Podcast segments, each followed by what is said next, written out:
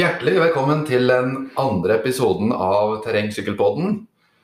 Eh, jeg håper at eh, alle lytterne våre har eh, fått trent det dere planla å trene siden sist. Og hatt fine opplevelser både på sykkel og eventuelt andre treningsformer dere har, har brukt. I dag så er tema sykkelnyheter, og vi skal prate en del om utstyr.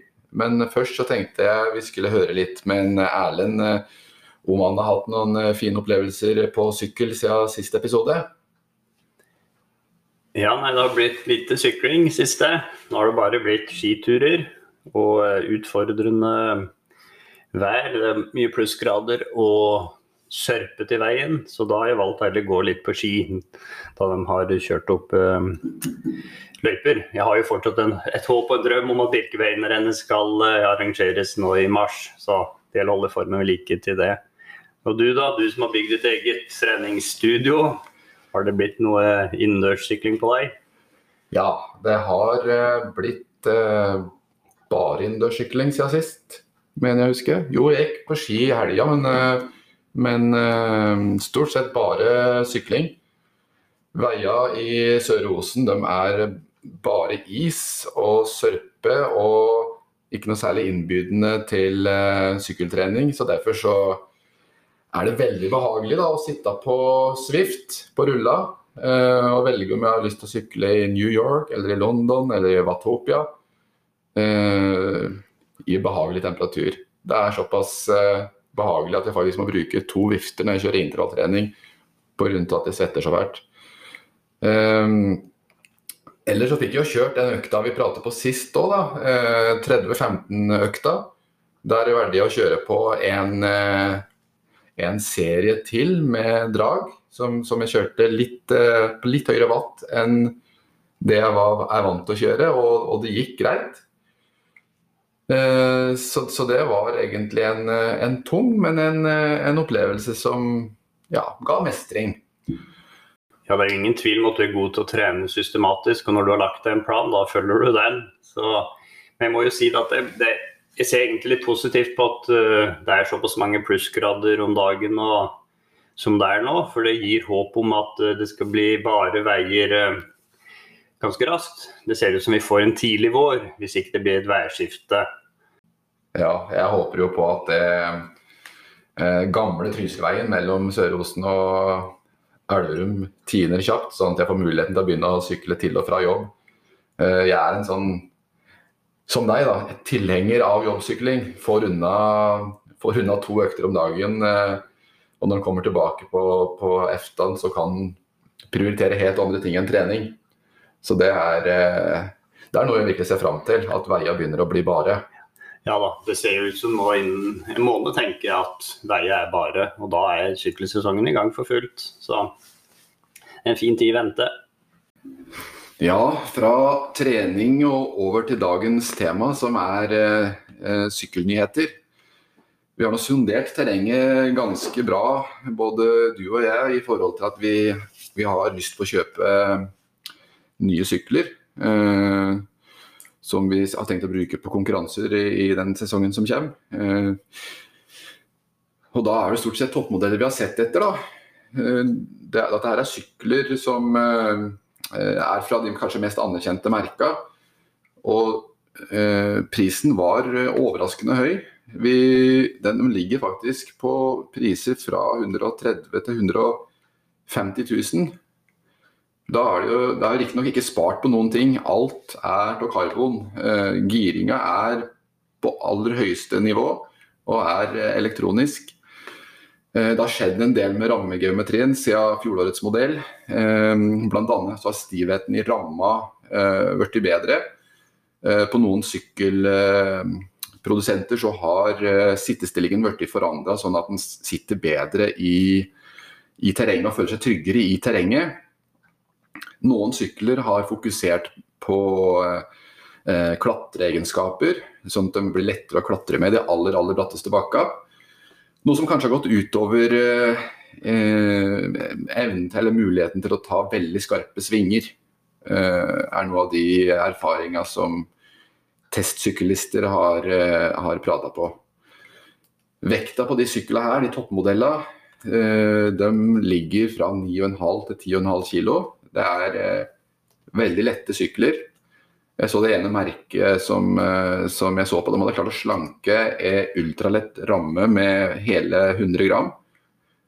Om, om det er, går utover eh, sikkerheten, det, det, vet jeg ikke. Men det, jeg regner med at så anerkjente merker de slipper ikke en ramme på markedet uten at den er trygg. Men, men de har fått presse, pris, nei, presse eh, vekta ekstremt lavt. Men tilbake til prisen, så, så syns både eh, du og jeg at, at dette her var vel høyt, og kanskje i overkant av hva vi ønsker å, å, ta oss råd til. Så jeg tenkte å høre litt med deg, Erlend. Hva mener du i forhold til hva slags, hva slags utfordringer gir disse prisnivåene her for terrengsyklister? Ja, det gir jo enorme utfordringer, egentlig. Det har, um, når vi ser, så har jo prisene bare fra i fjor til i år økt ganske mye. Man snakker ofte om en 20 000-30 000 kroner ekstra for toppmodellen. Eh, og da vet jeg at det i tillegg har steget veldig mye årene i forkant òg. Så la, oss si du er en uh, ungdom på 17-18 år som har lyst til å satse terrengsykling. Og da, da, trenger du nødvendigvis ikke bare en konkurransesykkel. Du må jo også ha treningssykkel. Og hvis du da tenker at du trenger to nye sykler i år, så da da må du kanskje ut med 120 000-140 000 for konkurransesykkelen din. Eh, og så ser vi at prisene på de sykler på nivå under, da, som folk ofte har som treningssykler Du kan jo selvsagt bruke det i konkurranse men da, da, må du ofte på et sted mellom 50 000 og 70 000. Og da snakker vi fort om en investering på 200 000 bare i to sykler. Uh, og så kommer alt annet utstyr i tillegg, med sko og hjelm og bekledning. Og det koster penger å reise. Start, uh, startkontingenter og ja, alt, alt mulig annet. Ofte så er det også behov for en landeveissykkel, kanskje en cyclocross osv. Mm, jeg så jo på de sykla, de sykla der òg, og det, det, er som du sier, de ligger en uh, en god del under de toppmodellene. De, de er, er ca. halv pris. Eh, litt av forskjellen på, på de syklene i forhold, i forhold, til det jeg har funnet ut, det er at eh, en del av karbonkomponentene på toppmodellene er erstatta med aluminium, sånn typisk i setepinnene f.eks. Uh, stem, styre. Og de, veier ofte et par kilo mer da, enn uh, toppsykler. Uh, Billigere drivlinjer og bremser. Eh, stort sett vekt det går på der òg. Eh, ofte så er ramma helt lik i geometri, men med litt, bygd, litt annen Det er karbonrammer, det òg, men, eh, men, en litt annen type karbon enn det er i, i toppmodeller. Så man kan jo spørre seg sjøl Eh, om disse to kiloene her er verdt 50 000-60 000. Men eh, ja, hva, hva, tenker du Erlend? Nei, altså det man, eh, man, kan jo sikkert diskutere da, om det er lettere å ta to kilo på kroppen sin enn å, enn å tjene inn de 50 000 det koster for å få en to kilo lettere sykkel. Uh, vi så jo det i, var vel til sesongen 2019 da, at NCF, Norges Sykkelforbund, innførte sånn vekt vektgrenser på sykler i aldersbestemte klasser. Hvor de da sa at fulldempa sykler måtte veie minimum 12 kg. Mm. Uh, inklusive fastmontert utstyr. Og jeg spør meg egentlig sjøl om, om, man kanskje ikke burde hatt en sånn vektgrense også for uh, voksne. For å kanskje redusere det jaget om å få lettest mulig sykler, og med tanke på det prisnivået som nå foreligger. Men det Ja. Jeg vet ikke om vi skal prøve å forklare litt hvorfor sånne sykler også blir så dyre. Har du mm. sett noe på det, Ingar? Hva Ja, jeg har sett litt på det, og har vel egentlig kommet fram til at mye av den eh, ekstraprisen, eh, den kommer rett og slett fra eh, forsknings- og utviklingsarbeid. De legger ned vanvittig mange timer i forhold til å utbedre sykler fra år til år. En sykkel som, som i fjor ble sett på som perfekt for oss som sykler, de som produserer sykler, de ser aldri på en sykkel som perfekt. Det er hele tida rom for utvikling, og det brukes vanvittig med ressurser og penger på å utvikle eh, sykler. I tillegg eh, så eh, bruker verdenseliten eh, de toppmodellene, eh, og de får betalt for det. Som, som ja, de er sponsa, de får betalt fra produsenter, ganske bra med penger. Og så har vi hatt det med reklame og promotering. Så det er klart, vi, vi skjønner jo på en måte at, at det koster uh, mye penger å utvikle toppmodeller uh, uh, på de merka der. Tenker du, er det noe jeg har glemt der, Erlend? Nei, Det er jo veldig mye som spiller inn selvsagt på at de mest anerkjente modellene koster så mye òg. De har jo et helt eh, en stor infrastruktur hvor det er mange som skal tjene penger, som gjør at det blir eh, det blir jo snakk om litt andre summer. Det finnes jo rimeligere modeller òg, der man kan bestille sykler rett fra fabrikk nesten. Som da du kutter ut noen ledd, som gjør det litt rimeligere. Ja, det er sant. Så vi Det som er, som, vi, som iallfall jeg personlig syns er litt synd da, i, i, forhold til de prisene, er at eh, det stenger en del eh, dører for dem som eh, ikke har all verdens å rutte med. Jeg tenker da spesielt på unge utøvere som er i en sånn etableringsfase, som har satsa terrengsykling eh, gjennom hele ungdommen og kanskje hatt hjelp fra foreldre og, og eventuelt lag eh, når de skal over og, og, satse videre. Så jeg tror det er såpass stor forskjell på en toppmodell og en modell under at det blir vanskelig for en eh, yngre utøver å satse på helt høyeste nivå eh, når man må ut med så mye penger. Jeg har rett og slett ikke råd til det. og det vi ønsker med terrengsykkelsporten, er at det skal være en idrett for alle. Vi ønsker at terrengsykling skal vokse som idrett og bli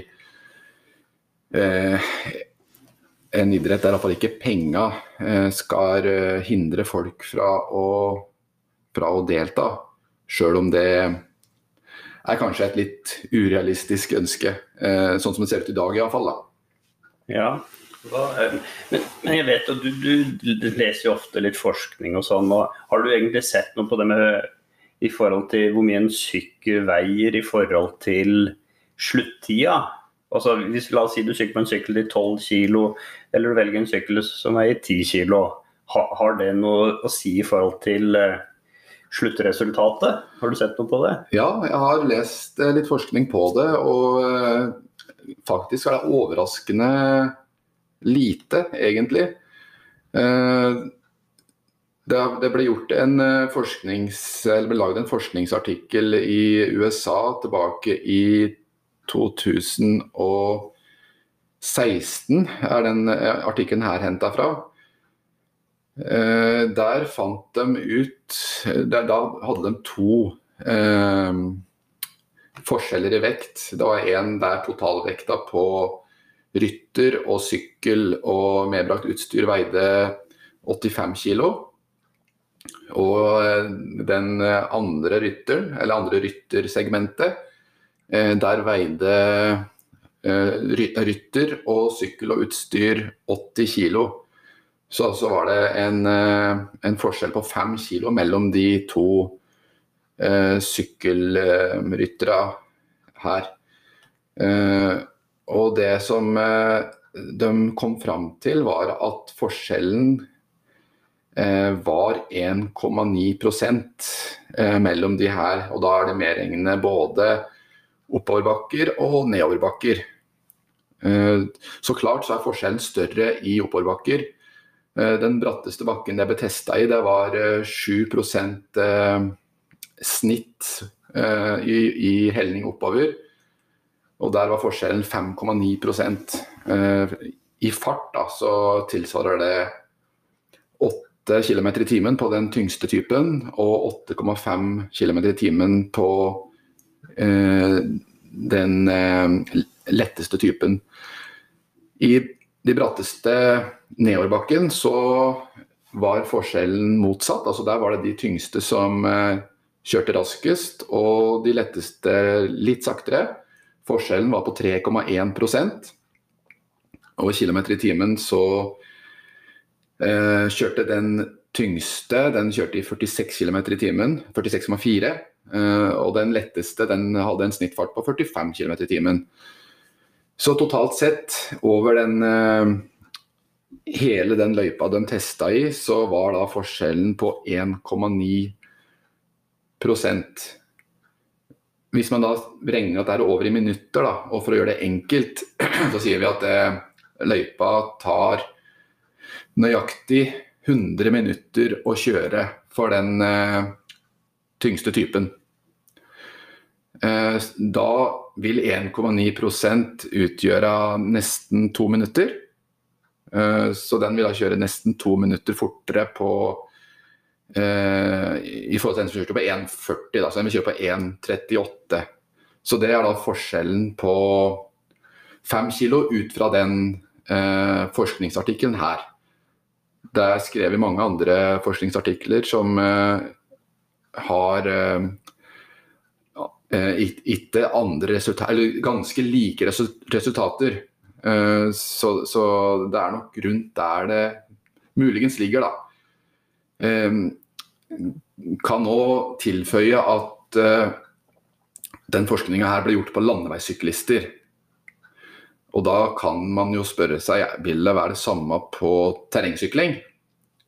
Min påstand der, uten at jeg har noe forskning å støtte meg på, er at forskjellen er større på terrengsykling enn på landeveissykling.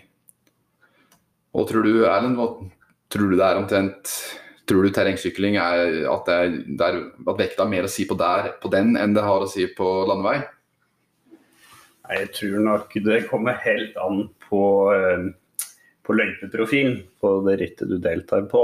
Altså, jeg vil jo tro at vekt på sykkel har mindre å si f.eks. på sykkelvasaen, hvor det er mer kupert enn på Birkebeinerrittet f.eks., hvor du skal opp lange, sammenhengende bakker og sånn.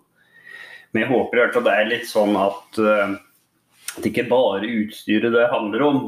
At mm. man faktisk kan gjøre noe sjøl òg for å forbedre tida si, da. Mm. Uh, jeg tror nok at, uh, at utstyret har nok litt å si, men, men, så klart, det er jo den som sitter oppå som, uh, som, uh, som har mest å si, da. Alt etter, ut ifra løypeprofil som du prater på. Et ritt som jeg har litt lyst til å trekke fram, som jeg syns ja, er et av favorittrittene mine, det er Transøsterdalen.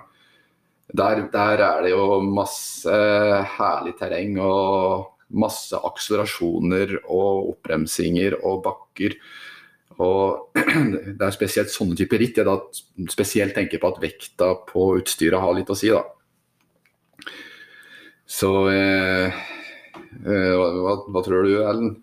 Ja, men eh, for, for, å snakke om noe annet, så eh, har jeg jo sett litt på sykler og vurdert å bestille en ny sykkel nå i 2021. Men eh, jeg, jeg ser jo det at det er jo ikke sikkert du får tak på noe sykkel i år. Nei. Det, er, det ser vel ut som um, det er veldig vanskelig å få tak på en ny sykkel hvis du ikke allerede i, i fjor hadde reservert og bestilt en da. Så, og så har jeg derfor undersøkt litt hva det her kan komme av. Så ser jo det at um, eh, produsenter i USA da f.eks. kan ha opptil uh, Eh, ja, på det verste så kan de ha, ha leveringsproblemer. Da, ikke sant?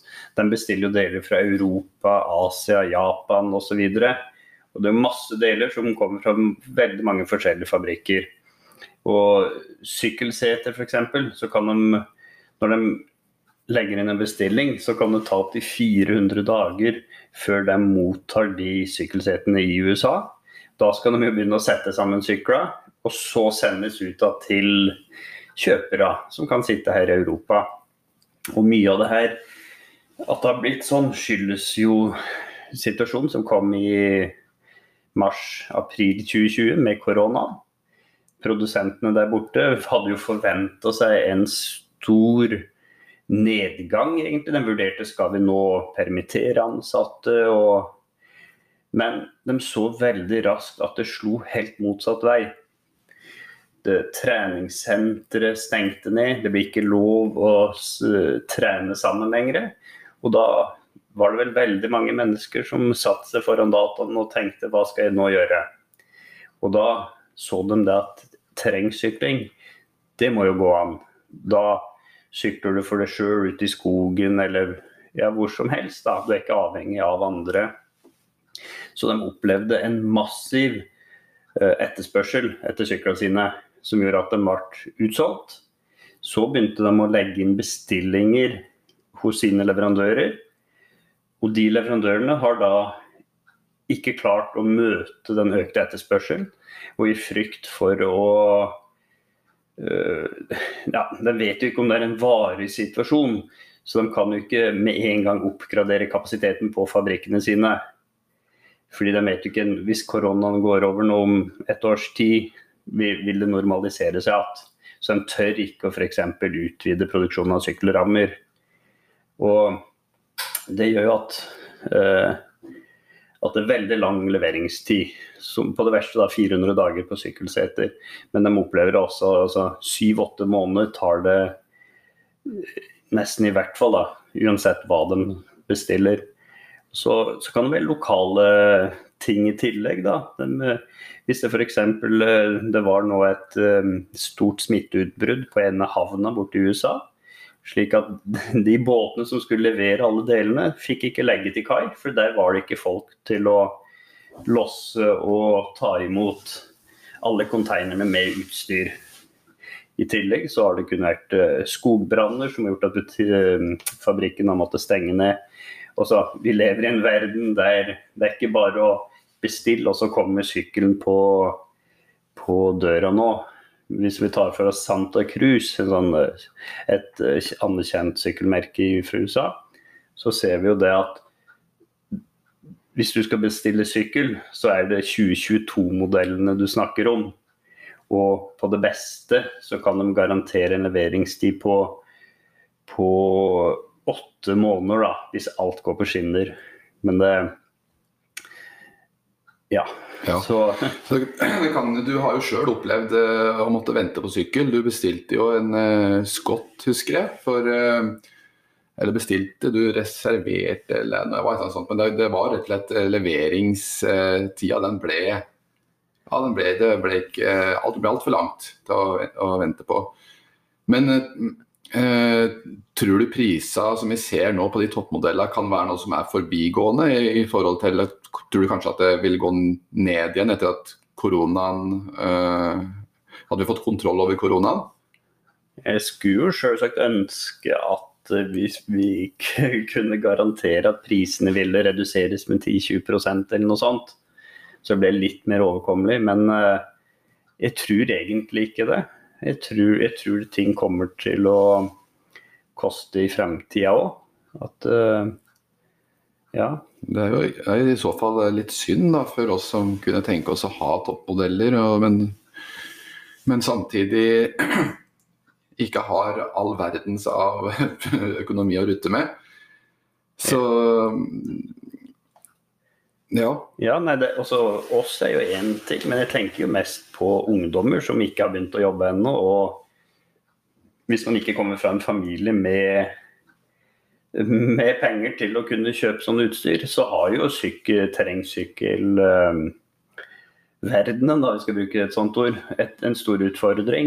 Altså, det er vel kanskje også derfor vi ser at, uh, at uh, veldig mange terrengsykler tidlig går over til landeveissykling. Altså de beste talentene innenfor terrengsykling blir nesten alltid henta inn til landeveissykling, for der finnes et apparat du kan bli hentet opp av team, få utstyr og ikke god lønn, men i hvert fall så du kan livnære deg da, som eh, syklist. Mm. Til du eventuelt slår virkelig gjennom. Da. Og det ja, for det det handler om for unge syklister, det er jo rett og slett eh, å, å, klare satsinga økonomisk. Uh, og personlig så har jeg alltid vært veldig opptatt av eh, barne- og ungdomsidrett, men, men, spesielt overgangen til uh, seniorsatsing. Eh, og den, den, er utfordrende, for å si det mildt, innenfor, innenfor, den idretten vi elsker, som er terrengsykling. Ja, altså det, det er dessverre sånn som Og det er jo ikke dessverre, men det, kontinuitet er jo alt. Og skal du bli veldig god innenfor noe, så må du drive på i minst ti år med noe.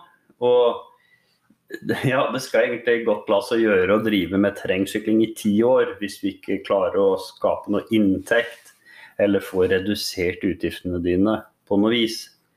Og, og per i dag så finnes det jo veldig få tilbud for satsende terrengsyklister. Du har jo, du, du har jo heldigvis fått uh, egne linjer nå da på på videregående som, som satser litt på terrengsykling.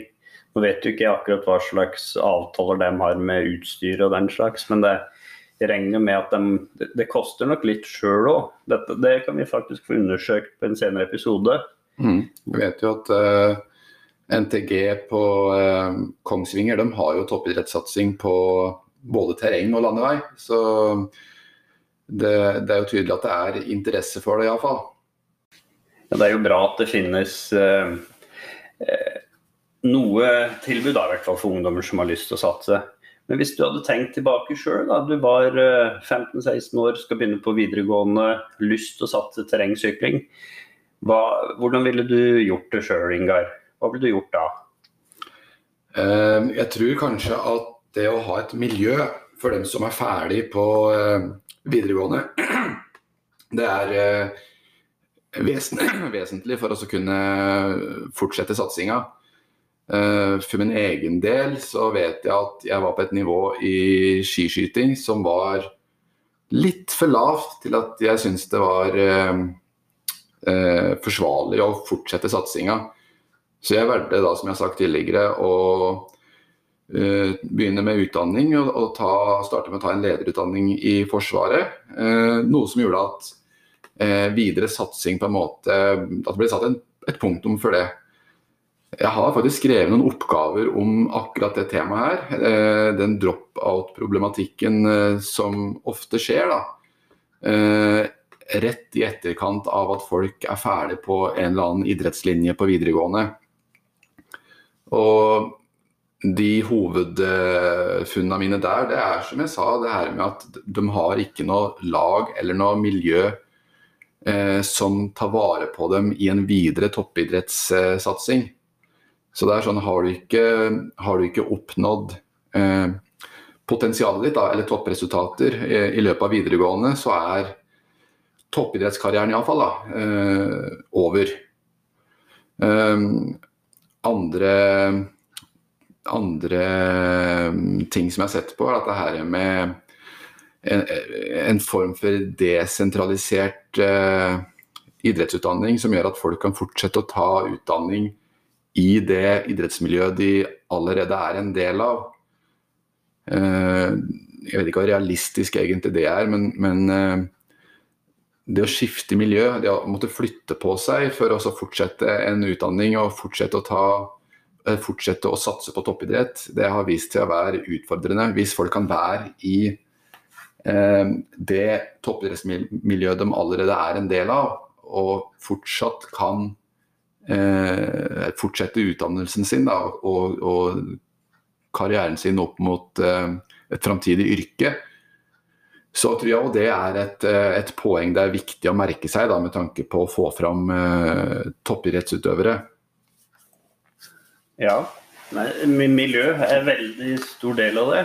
Men, men samtidig så selv om du er en del av det beste terrengsykkelmiljøet i Norge, så, så er det allikevel ikke sikkert at du har mulighet til å ha det utstyret som kreves. Nei, det er akkurat det. Det er eh, et økonomisk spørsmål òg. Har han råd til å drive med det med tanke på det utstyret som kreves for å være i det aller øverste nivået i Norge?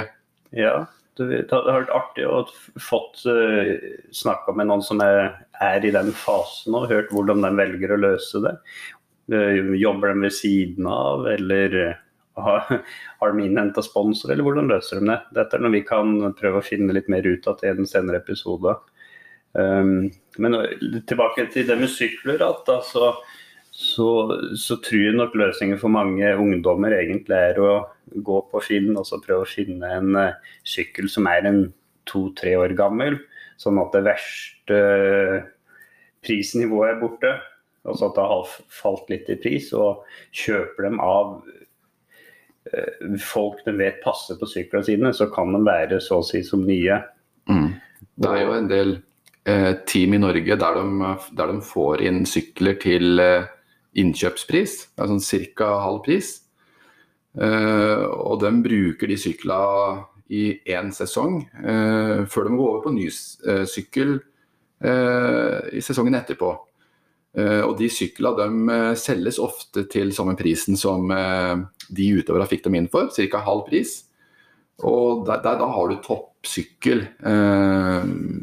Eh, til, som er veldig veldig rimelig. da. Eh, kan hende å bytte ut noe, noen deler i, i, drivverket, sånn som kassetter og kjeder og, og kanskje noen bremser, men uh, allikevel så, så, kommer du veldig mye billigere ut av det ved å gjøre det på den måten der. Ja. Så, uh, noe annet vi har sett at nå har jeg drevet sykling noen år, så ser du at det har vært en veldig dreining ifra før så var det om å gjøre å ha lettest mulig sykkel helst uten dempegafler i hele tatt. Men nå ser vi jo det at, uh, at flere og flere går over til fulldemper. Har du tenkt over det? Hva, ja. ja. Jeg kjøpte meg jo eh, en ritt-fulldemper i, uh, i fjor. Før, før fjorårssesongen, i håp om at det skulle bli en bra sykkelsesong. Dessverre så ble mye ødelagt av av eh, koronaen, så han ble ikke så veldig mye brukt. Jeg har en annen sykkel jeg bruker på trening, men den, men den sykkelen her har jeg brukt i, i noen ritt. Uh, og det er en, uh, det er en rittfulldemper, en Specialized S-Work. Den har sånn såkalt brain-system som gjør at det er ikke noe lockout på det, men han skal på en måte lese underlaget uh, sånn at den er relativt stiv da, så lenge man sykler på vanlig vei. Eh, men om man trenger en fulldemper for å delta i eh, terrengsykkelritt, det er jo et spørsmål som vi kan ha forskjellige meninger om. Eh, på en fulldemper så mister du jo mye av den her responsiviteten som en hardtail har ofte. Altså bilen han blir jo tyngre. En, en, skal jo ha mer dempesystemer bak. Eh, og blir ofte litt tyngre. Jeg ser at rammene de, de veier nok alltid fra en halvkilo til en kilo mer eh, på en fulldemper enn på en, eh, enn på en hardtail. Så litt over til det spørsmålet ditt da, i forhold til om, en, om man bør ha en rittfulldemper, så er nok svaret at det kommer helt an på traseen. Sånn som på Birkebeinerrittet, så tror jeg ikke at en eh, rittfulldemper er det beste valget. Mens på Trans Østerdalen så er en, en fulldemper absolutt en fordel. Ja, og nå ser vi jo det at de som har vunnet Birkebeinerrittet eh, de siste gangene, har sykla på eh, fulldempere. Men da, da, er det jo snakk om fulldempere som er, veier nesten mindre enn hardtail. Så da har de fordel allikevel i siste uh, ballettpakken. Ja, jeg tror for, Det som er grunnen til at de velger en, uh, en fulldemper på Birkebeinerrittet, det er at de er sterke nok til å være med i teten uh, med en fulldemper. Men at de klarer å avgjøre på slutten, da det blir teknisk, med en fulldemper. jeg tror kanskje hadde hadde de hatt en hardtail, så hadde det vært kanskje lettere å følge med eh, fram til eh, slutten. Men det hadde blitt vanskeligere å vinne i spurten. Eh, du tenker jo spesielt på ballettbakken da, og, Og i eliteklassa så er jo traseen inn mot mål litt mer teknisk enn det er i uh, aldersklassene. Ja, jeg kan ta en liten uh, egen opplevelse fra sesongen som var i fjor. Da, da jeg sykla Trans Østerdalen i masterklassa. Og første dagen, da hadde jeg med meg Jeg hadde jo både hardtail og fulldemper med meg, men valgte å gå for uh, hardtail første etappen. Og det har funka fint i mange år før. Veldig mange andre har også vurdert det sånn at man tar hardtail på etappe én, og så går du for fulldemper i dag to og tre. Så jeg ble litt overraska da jeg så at jeg var den eneste som hadde i den gruppa jeg lå i, da, som da var tetgruppa i masterklassa, uh, at jeg var den eneste som hadde hardtail. Og jeg lå veldig lett med tetgruppa helt fram til uh, ja, altså opp bakken fra start og gjennom uh, det litt lengre terrengpartiet oppe ved Savalen. Men så kom vi gjennom lysløypeanlegget der, rulleskianlegget på sommeren. da og skulle inn i det litt tekniske utforpartiet nedover att mot uh, ja, nedover mot Tynset, da, si sånn. Og da var jeg rett og slett sjanseløs mot de andre med hardtail. For da, da hadde de andre fulldempere, og de kunne bare gasse på nedover. Mens jeg måtte jo prøve å bruke kroppen mer og Men nei, så jeg tapte mange minutter, rett og slett, på det partiet. Mm. Så jeg hadde jo fulldemper uh, sjøl. Uh, hadde som målsetning på første etappe at jeg skulle eh, gjøre det bedre enn i fjor. Året før så hadde jeg en hardtail, uh, men det skjedde dessverre ikke. Uh, når jeg kom meg til start, så sto jo der klar og var skikkelig gire på å gjøre det bra. Og kom 200 meter, så hørte jeg han som lå bak meg sa du, du har utrolig lite luft i bakdekket ditt. Uh, og da sjekka jeg det. Jeg kjente at sykkelen var litt vinglete bak. Da viste jeg at jeg hadde punktert. Jeg hadde punktert faktisk mens jeg sto på startstreken. Jeg tenkte at jeg vil ikke bryte, så jeg kjørte Jeg pumpa luft i dekket. Jeg hørte jo at det svek. Men jeg kom meg tilbake til eh, bilen igjen for å prøve å fylle inn og guffe eller prøve å få reparert det, men jeg fikk ikke til det. Så det ble det ble did not finish på første dagen. Riktignok så gikk dag to og tre mye bedre. Til sammen på de to etappene så forbedrer jeg meg med litt over en time i forhold til året før. Men jeg tror kanskje ikke det kan tilskrives bare sykkelen. Jeg hadde sykla mye mer òg det, det, året der. Men det er klart at det var en, det var en helt annen opplevelse å sykle Trans Østerdalen på en eh, fulldemper kontra en såkalt trenings-hardtail. Ja. Noe, noe, annet som også har kommet for fullt de siste åra, er jo det med elektriske komponenter på terrengsykler. Det har jo i mange år vært eh, ja, elektrisk giring på landeveissykler, men siden ja, 2019 eller der omkring så har det kommet for fullt også på terrengsykler. Det er jo det de omtaler som AXS. Ja, jeg var forresten inne på forum på terrengsykkelforumet her, og så leste litt om det der, og det, er, det virker som det er ganske mye meninger rundt dette her. Ja, det, alt nytt er det mye meninger om. Og du har jo her så har du jo det med pris, da. Går du for XX1 Eagle Access-gruppa, så koster jo det over 20 000 kroner. Og er, er det noe du er villig til å investere for å slippe noen uh, noen ledninger og vaier og den slags. Jeg vet ikke, Hva var det som blir diskutert på det forumet? Nei, det er noen som sier at eh, f.eks. klikk og du er hekta. Eh, det, det, betyr vel at den har fått seg et sånn elektronisk girsystem og kjører de første gira, så er den hekte fra klikk 1. Eh, og så har vi andre som, som tviholder på det gamle. og og øh, mener at det er det mest pålitelige. Da. Et argument de bruker f.eks. det er at øh, hva skjer da om du går batteritom når du er ute på en øh, treningstur og plutselig ikke får gire mer? Men de, det ble jo argumentert imot det med at, at hvis du lader batteriet to ganger i løpet av året, så er det mer enn ofte nok da, til å, at det skal unngå å få det problemet der. Ja, to, to ganger i året, ja. ja. Da skal du jo holde lenge. Men uh, uh, du har jo også fått elektrisk styrt uh, det, Hva heter det? Sånn heve-senkpinne. Ja, har du sett noe på det òg? Jeg har sett på det, ja. Det er en del dyrere enn en de manuelle, da. Ja.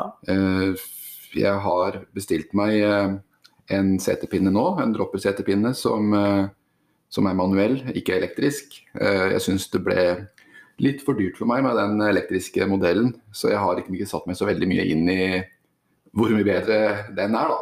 Men, eh, og jeg har ikke prøvd dropper-setepinne før, så det blir på en måte noe som Jeg vet ikke om jeg liker det eller om jeg ikke liker det ennå, men jeg gleder meg til å prøve iallfall. Ja. Fordelen med de elektriske gira da, er jo det at du i hvert fall du slipper å justere noe etter hvert. Altså det, det, stilles jo inn, og så, så er det like presist hele tida. Men det er jo det med batterikapasitet og det kanskje sånn usikkerhet om er, Jeg vet ikke om batteriet er fullada eller ikke. Da. Der kan det oppstå noe usikkerhet. Jeg har jo sjøl opplevd eh, før et sånn treningsritt at en kompis plutselig ikke fikk girt, for da var eh, da var batteriet tomt. Mm, ja, det husker jeg faktisk. Uh, men jeg vet ikke om, tar, om, et, om, det er helt riktig, men jeg tror faktisk det er sånn at på girhendelen så er det en indikator som viser hvor mye batteri som er igjen på, på batteriet. Ja, det handler vel bare om å være forberedt før uh, ritt, sikkert. Og... Men, men, en ting som jeg uh, har sett på som er hovedfordelen, det er at man slipper slipper å stille giret så ofte. Det er, det er, veldig enkelt, og det justerer seg sjøl. Og, og, de nye motorene som sitter på giret er såpass kraftige at de takler eh, gjørme og, og, grus eh, veldig greit. Sånn at sjøl om det går tregere i systemet, så er motoren såpass sterk at, at det ikke er noe problem. da. Det girer veldig veldig presist. Og, og den presise giringa er vel et av hovedargumentene eh, for elektri elektronisk giring. Man slipper de her eh, perioder der du, der du, på en måte hører at kjedet glipper på kassetten og litt upresis giring og det greiene der. Så, så, så, det er en av de store fordelene med elektronisk giring. Og så en annen ting som jeg leste, det var folk som sykler mye om vinteren. Så blir den ofte litt kald og nummen på hendene. Eh, den elektroniske giringa er mye lettere, så det er, bare et sånn bitte, bitte lite trykk, så får du gira. Mens på de med wire så så er det vel sånn at man, hvis man er skikkelig kald på hendene, så er det tungt å bytte gir. Og det har jeg sjøl opplevd på min eh, gamle hardtail. Ja. Nei, og jeg ser jo hvis vi går, bruk, går på trekk sine sykler, da, så koster jo med, med, elektrisk giring så koster superkaliber 99 125 000. Men velger du den gamle Wire-metoden på giret, så får du samme sykkel for 115 000. Så da, da er det 10 000 ekstra da, for det mm. elektriske giret. Ja. Så det, det, man må Ja. Det er liksom ikke bare å få prøvd testa det ut sjøl heller. Man må nesten uh, gjøre et valg hva man går for. Ja, og uh, sånn som det ser ut for meg, så kan det tyde på at det, den elektroniske giringa har kommet for å bli. Uh, Shimano sine girgrupper de har der har de kommet med elektronisk giring eh, ned i XT-gruppa òg. Det var vel bare XTR i, i starten når det gjaldt terrengsykkeldrivlinje, eh, men, men eh, XT-en er nå, kommer også som eh, elektronisk nå, da. Du kan få kjøpt den som elektronisk. La oss snakke litt om eh, ukas økter. Har du en økt du har lyst til å presentere? Ja, Uh, sist uh, episode så presenterte jeg den 3015, som uh, er en av favorittøktene mine. I tillegg så har jeg en annen intervalløkt som jeg bruker jevnlig, og det er en som heter 5 ganger 8 minutter. der har jeg to minutter aktiv pause mellom draga. Og vatten den er en del lavere enn i 3015. På 315 så kjører jeg draget opp på 315-320 watt, mens på Eh, fem ganger 80 minutter, der kjører jeg draga på 285 watt. Eh, det, det, tidligere så har jeg kjørt ett drag mindre, men, men, eh, den siste gang jeg kjørte den økta, så kjørte jeg fem drag. Og det jeg merka da, det var at på de tre første draga så kjentes det veldig lett ut. Men når jeg kom til siste draget, så da måtte jeg virkelig kjempe med meg sjøl. Det var skikkelig tungt altså, på å få gjennomført uh, det siste draget der. Uh, hva som er årsaken til det? Det kan hende at jeg hadde vært ute og drevet med å rydde noen løyper uh, først på dagen og kanskje var litt sliten, men, men jeg, jeg, ble skikkelig sånn overraskende sliten på, på, det aller siste draget. Så man kan tenke, spørre seg hva er, det som, hva er det man utvikler på en sånn type økt? Uh, og det jeg tror, det er at uh, man utvikler uh, terskelwatt, som er en veldig viktig del, en veldig viktig predikator på prestasjonsnivå. Min egen terskelwatt ligger på 285 watt nå.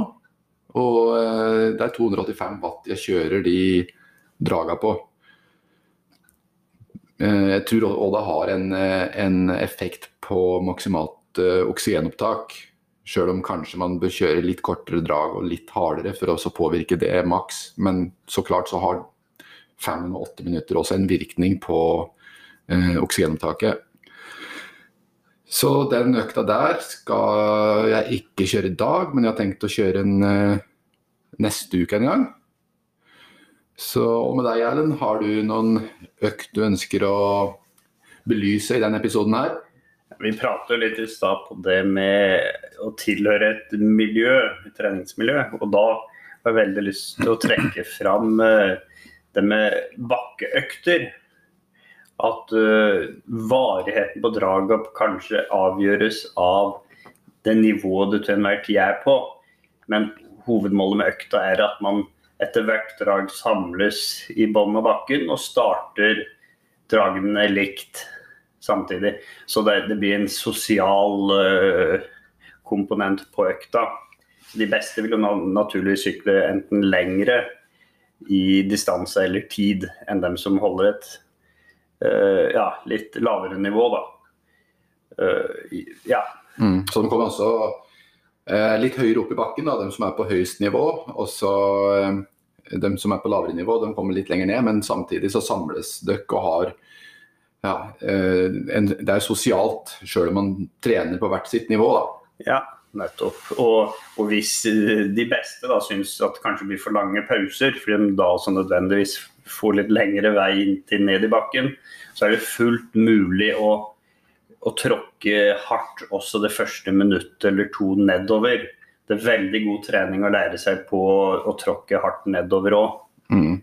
For det er jo en, en, utfordring ved å kjøre bakkeintervaller, er at pausa nedover den blir for lite aktiv, og du får for lite blodsirkulasjon i beina i forhold til å kunne kjøre bra på draga.